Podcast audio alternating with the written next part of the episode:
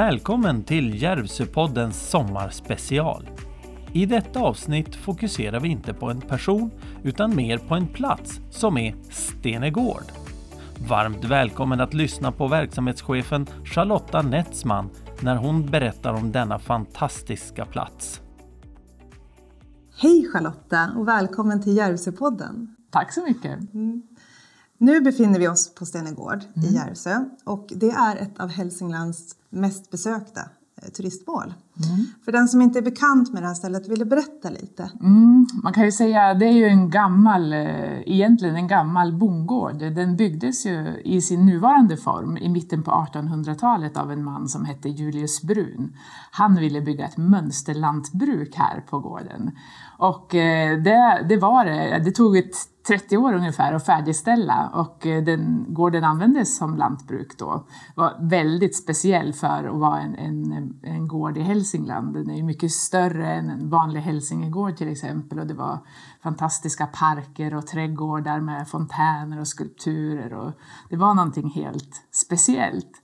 Och om man lite kort ska rassla igenom Stenegårds historia så kan man ju säga att den här, den, här, den känslan av att vilja vara speciell eller något extra, något som man verkligen vill vara med om, det försöker vi hålla kvar i och skapa även idag. Fast idag är det ju en besöksanläggning där massor av föreningar och aktörer Eh, skapar evenemang, driver verksamhet. Det är en stor, stor samverkansorganisering här kan man säga. Det är jättemånga människor och eh, aktörer som skapar det här enorma utbudet av aktiviteter sommartid som vi står inför just nu. Då.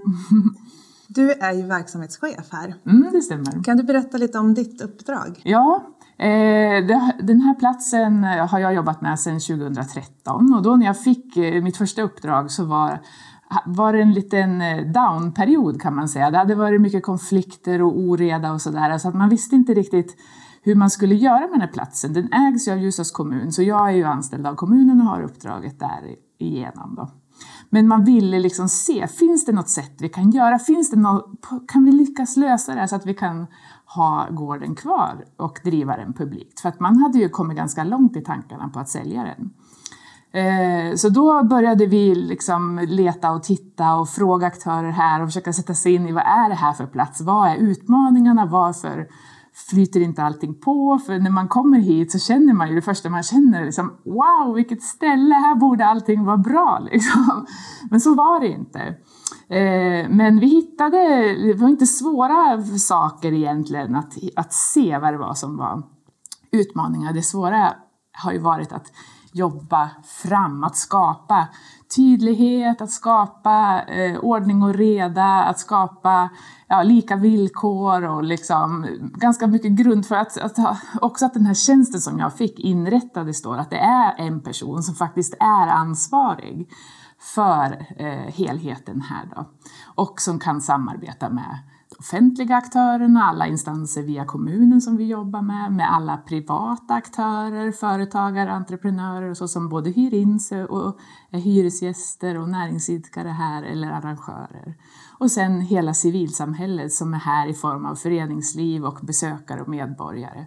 Så det är ganska många kontaktytor till olika aktörer som eh, kanske inte pratar samma språk alla gånger men som ju kan kan göra, liksom, hitta sin roll här.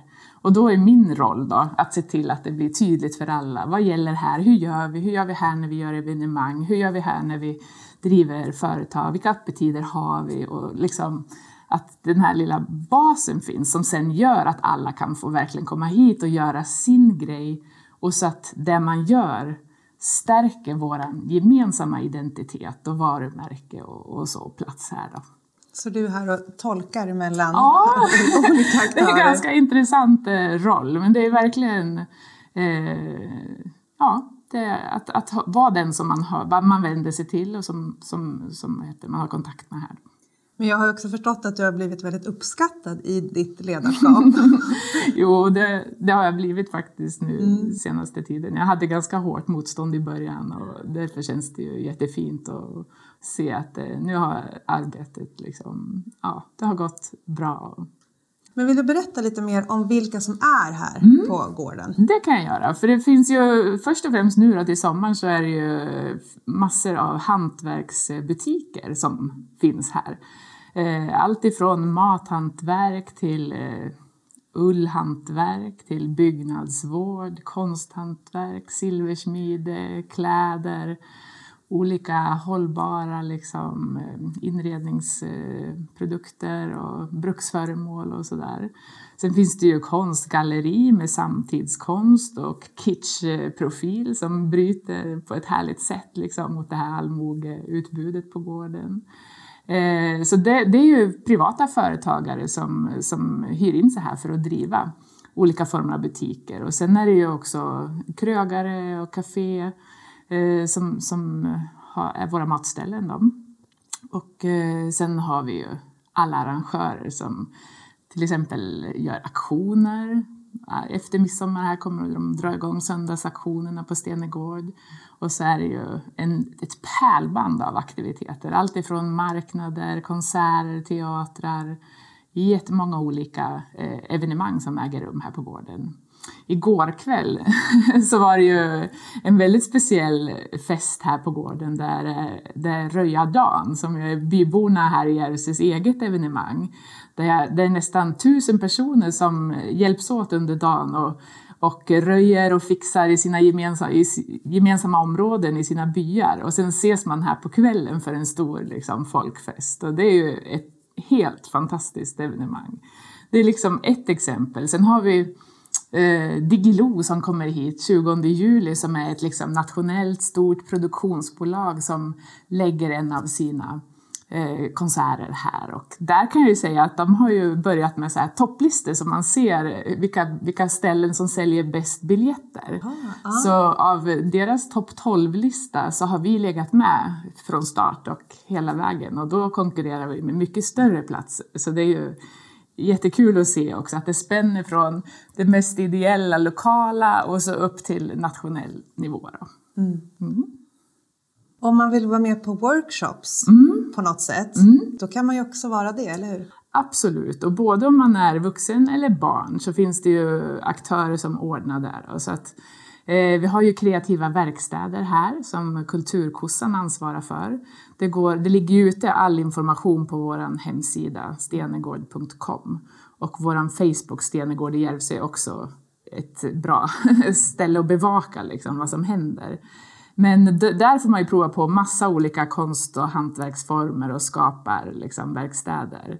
Eh, och sen så har vi en hel serie i sommar med ull, eh, på tema ull, där man får prova på olika hantverk, allt ifrån att slå rep till att brodera till att ja, prova på olika saker. Det ligger också ute då. Det är ett samarbete med Region Gävleborg som har en utställning inne i vårt världsarvscentrum som handlar om ull för livet där man lyfter de olika eh, ja, ullen som material, liksom, som ett hållbart alternativ i dagens liksom, samhälle då, där man börjar mer kanske kritiskt skärskåda eh, textilindustrin och sådär. Alltså har vi ju en enorm resurs i fåret och i ullen och den svenska ullen har inte varit så väl använd utan ganska mycket kastas bort. Mm. Liksom. Mm.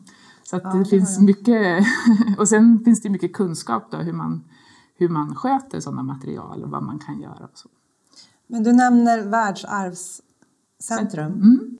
Vad är det då? Ja, det var mitt första uppdrag faktiskt. Det att eh, skapa världsarvscentrum och det gjorde jag tillsammans med Anders Assis på Ljusdalsbygdens museum och Lars Löv som ju är VD på Cykelparken och som ju innan han började sin cykelkarriär var fotograf i många år och har plåtat Hälsingegårdarna under något decennium. Så att vi tre ledde den processen och skapade vårt världsarvscentrum i samband med att Hälsingegårdarna upptogs på Unescos lista över världens världsarv. Snabba fakta. Unescos världsarvslista kom till som ett sätt att skydda världens främsta natur och kulturarv från förstörelse, särskilt i krigssituationer men också att skapa förståelse mellan folk och länder. Det är alltså i första hand ett bevarande och fredsprojekt. Hälsingegårdarna är Sveriges femtonde världsarv. Hälsingegårdarna gör intryck, inte bara i Sverige, utan i hela världen. Det var 2012 och 2013 invigdes världsarvet Hälsingegårdar här på Stenegård och då slog vi upp portarna till vårt världsarvscentrum då, som ju också är navet här på gården. Det är där vi alltid har bemannat med personal och där man köper biljetter och där man liksom alltid kan vända sig till. Hur upplever du att intresset är just runt Hälsingegårdar? Jag upplever att det är jättestarkt och att det är att jag tror att kanske den här vågen av intresse kopplat till eh, att det blev ett världsarv, den har väl kanske haft sin peak. Men jag ser ju enorma möjligheter att fortsätta arbeta med det här för att i vårt världsarv och i kulturarvet kring Hälsingegårdarna finns det så många frågor, så mycket kunskap och så mycket olika grejer som liksom knyter an till våran tid. Här på Hälsingegårdarna hade man ju ett otroligt hållbart sätt att leva. Man kunde tillverka sina eh, bruksföremål, man hade ett jätteintressant sätt att odla jorden och bruka den med liksom sina olika gårdar och fäbodvallar och sådär. Uh, maten var ju närodlad och lokal och liksom etiskt bra. Det finns så otroligt mycket i våran historia här i Hälsingland som jag känner att våran samtid har mycket att lära av. Och på det sättet är det ju superaktuellt. Och sen är det ju också Kärnan i världsarvsutnämningen handlar om inredningskulturen som var kopplad till en form av festkultur och sådär. Det är också ganska fint att ha ett världsarv kopplat till fest, för då kommer man ju, ja, då kommer man ju in på musik och på kläder och på liksom mycket annat som är också eh, intressant idag och som vi ser ju liksom, ja, trendar. Mm. Du, eh, Ljusdals kommun har ju ägt Stenegård mm. i 50 år, i mm. år faktiskt. Mm. det kanske är därför vi har sån peak just i ja, just det. Eh, hur kom det sig att kommunen köpte det här stället och vad var tanken? När man köpte det, eh, eller tog över, liksom, då var ju tanken att man skulle etablera det som eh, ett eh, kultur och besökscentrum. Innan dess hade det funnits en, en ganska lång period när det var hotell och pensionat här. Och sen hade det varit en period efter att det hade lagt ner, när det var ganska övergivet och inte alls någonting här. Liksom. Så att eh, då började man ju med ambitionen att eh, skapa det här till en, en fin plats för besökare. Och det första man gjorde då, det var att man bjöd in eh, konstnärer och kulturarbetare, hantverkare att bo på gården och ha öppna verkstäder här. Så det har alltid varit fokus just på, ja, sen, sen 50 år tillbaka i alla fall, mm. just på hantverk och konst, ja, konstnärer här. Det har, det har varit ett sånt centrum. Och egentligen har det varit det även sedan Julius Bruns tid, för att han var ju liksom, ville ha ett mönsterlantbruk, men det han menade med det, det var ju liksom att här skulle det finnas allt en människa behöver.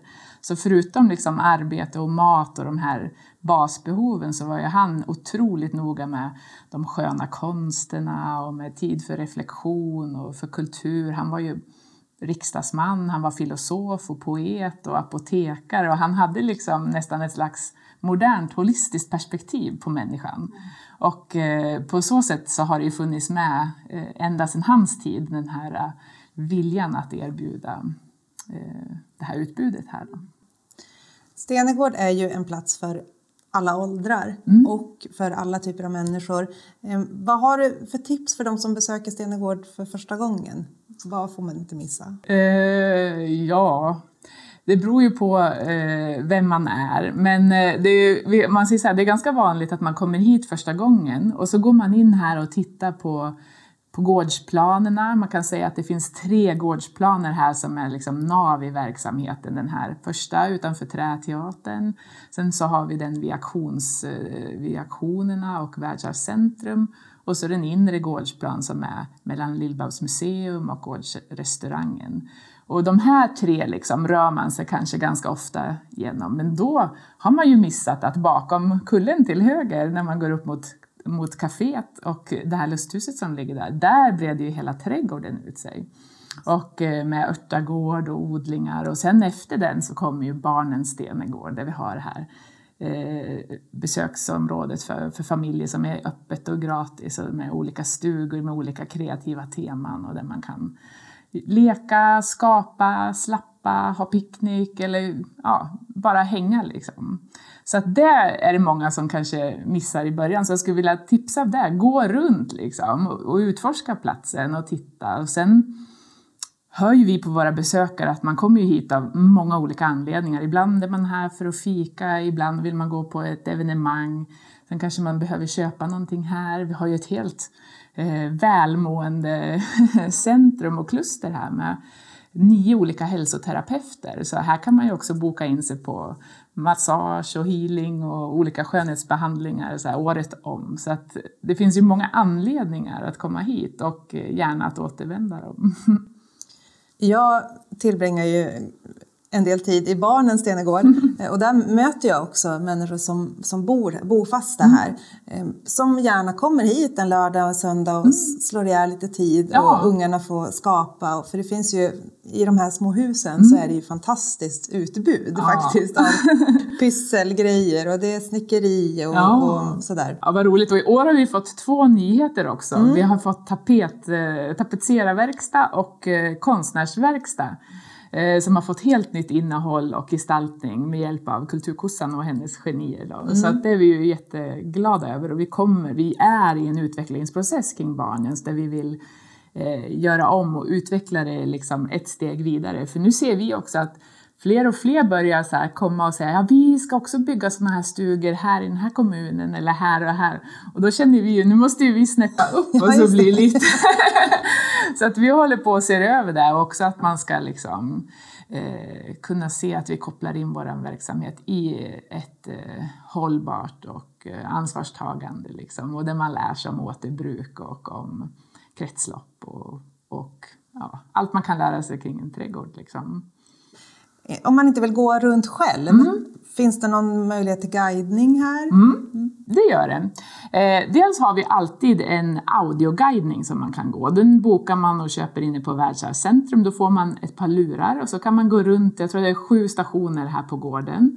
Eh, det är en jättefin guidning, med, den är inläst av Rolf Lassgård så att det, det, blir en väldigt levande historisk vandring då, där man får veta lite grann om bakgrunden till den här gården då, med utgångspunkt från det arbete som Julius Brun började med i mitten på 1800-talet.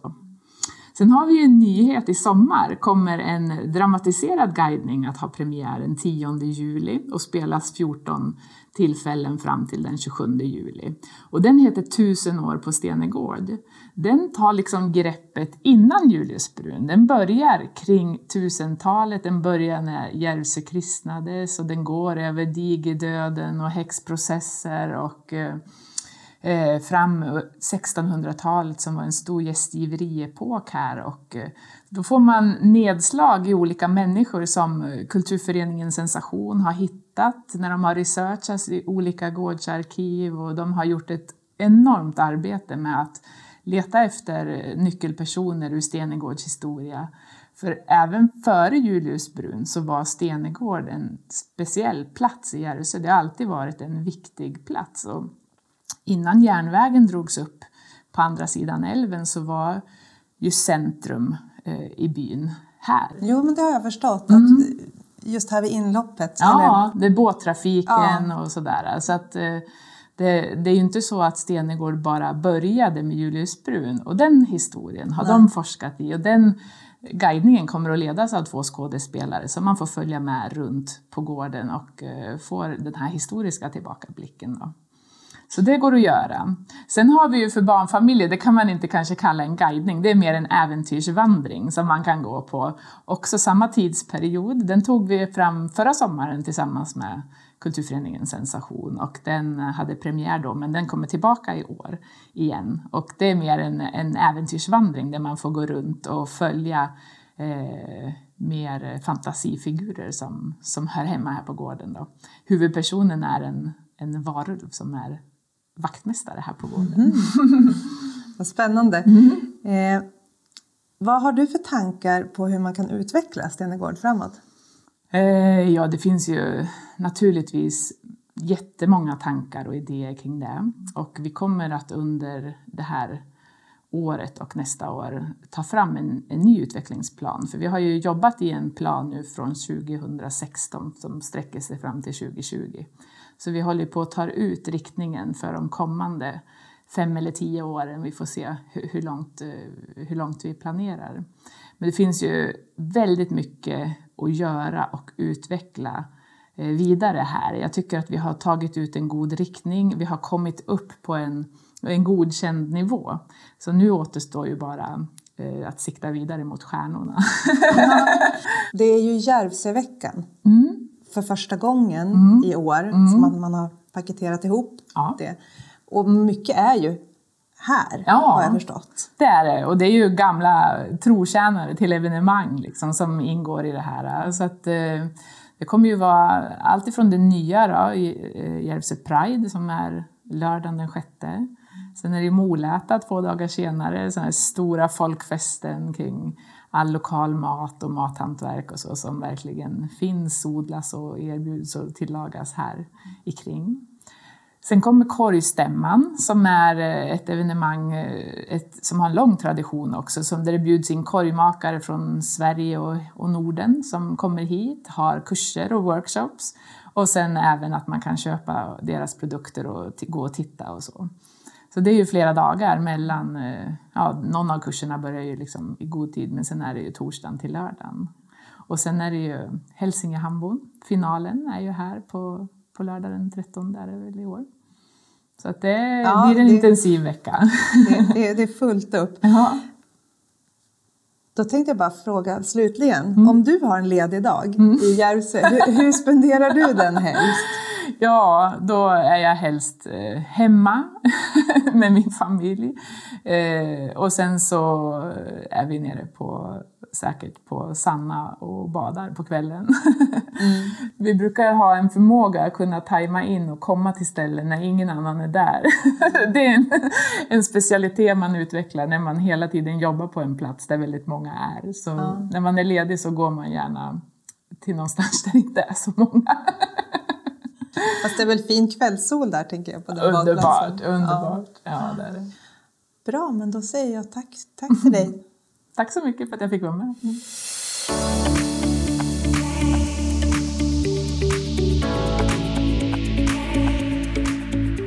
Jämställdhetspodden